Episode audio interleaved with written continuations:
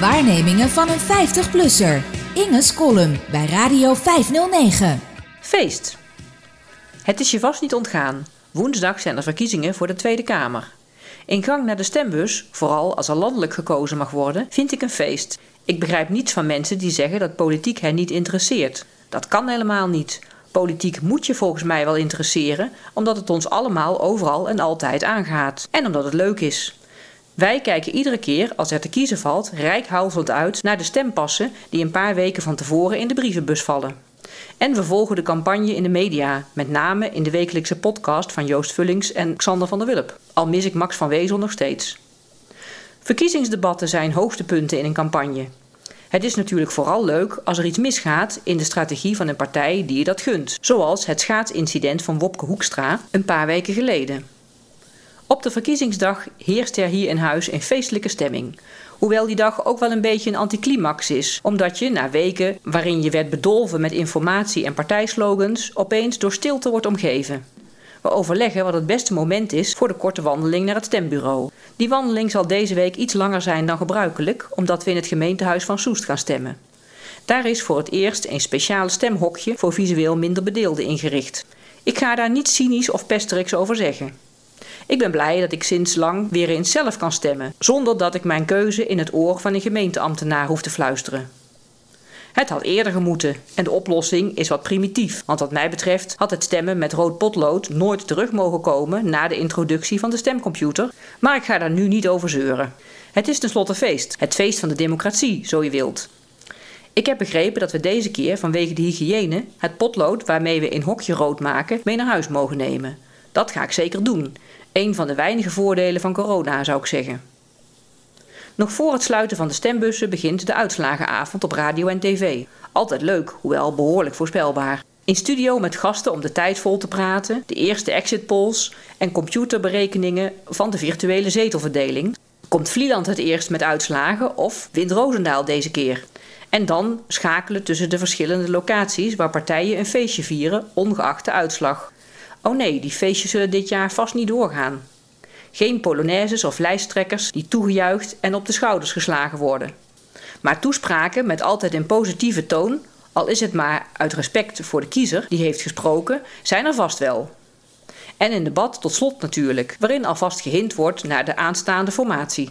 Maar toch is het dit jaar niet zo leuk als anders.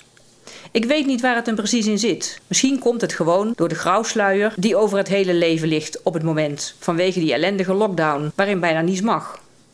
Online congressen, meet-ups of wat al niet zijn minder leuk. Geen beelden van politici die zich verstaan met het gewone volk op een markt of langs een sportveld. Er belt niemand aan voor een goed gesprek. Er worden geen stickers, ballonnen, pennen, rozen of tomaten uitgedeeld. Ik mis de ongemakkelijke ontmoetingen met de vrijwilligers in hesjes met partijlogo's die zich op het station afvragen of ze mij een flyer in de hand zullen drukken. Maar dat is niet alleen. Het punt is vooral dat deze verkiezingen nergens over gaan. Er staat niet op het spel, er is geen spanning. Rutte wint, want hij heeft ons door de coronacrisis geloodst of gaat dat althans binnenkort doen. Zijn positie staat niet ter discussie. Mensen houden van leiders die duidelijke taal spreken en die hebben we op dit moment. Dat Mark er al ruim tien jaar zit, dat hij mogelijk best een leuke gesprekspartner in de kroeg is en aardig les geeft aan scholieren, maar dat er verder geen visie in zit, waarop dan ook, doet blijkbaar niet de zaken. Concurrentie van betekenis is er nauwelijks. Geen premierstrijd dit keer. En waar gaat de campagne nou helemaal over? Vooral toch over onderwerpen waar we over een jaar geen belang meer bij hebben. GroenLinks wil gratis thuistesten uitdelen. D66 wil een coronapaspoort. Thierry vindt het allemaal onzin. En Wopke wil doorpakken of aanpakken of zoiets. Terwijl er toch maar één onderwerp is waar het in de politiek van vandaag onafgebroken over zou moeten gaan. En dat is de vraag hoe we de planeet kunnen redden van wat wij mensen daaraan verpest hebben.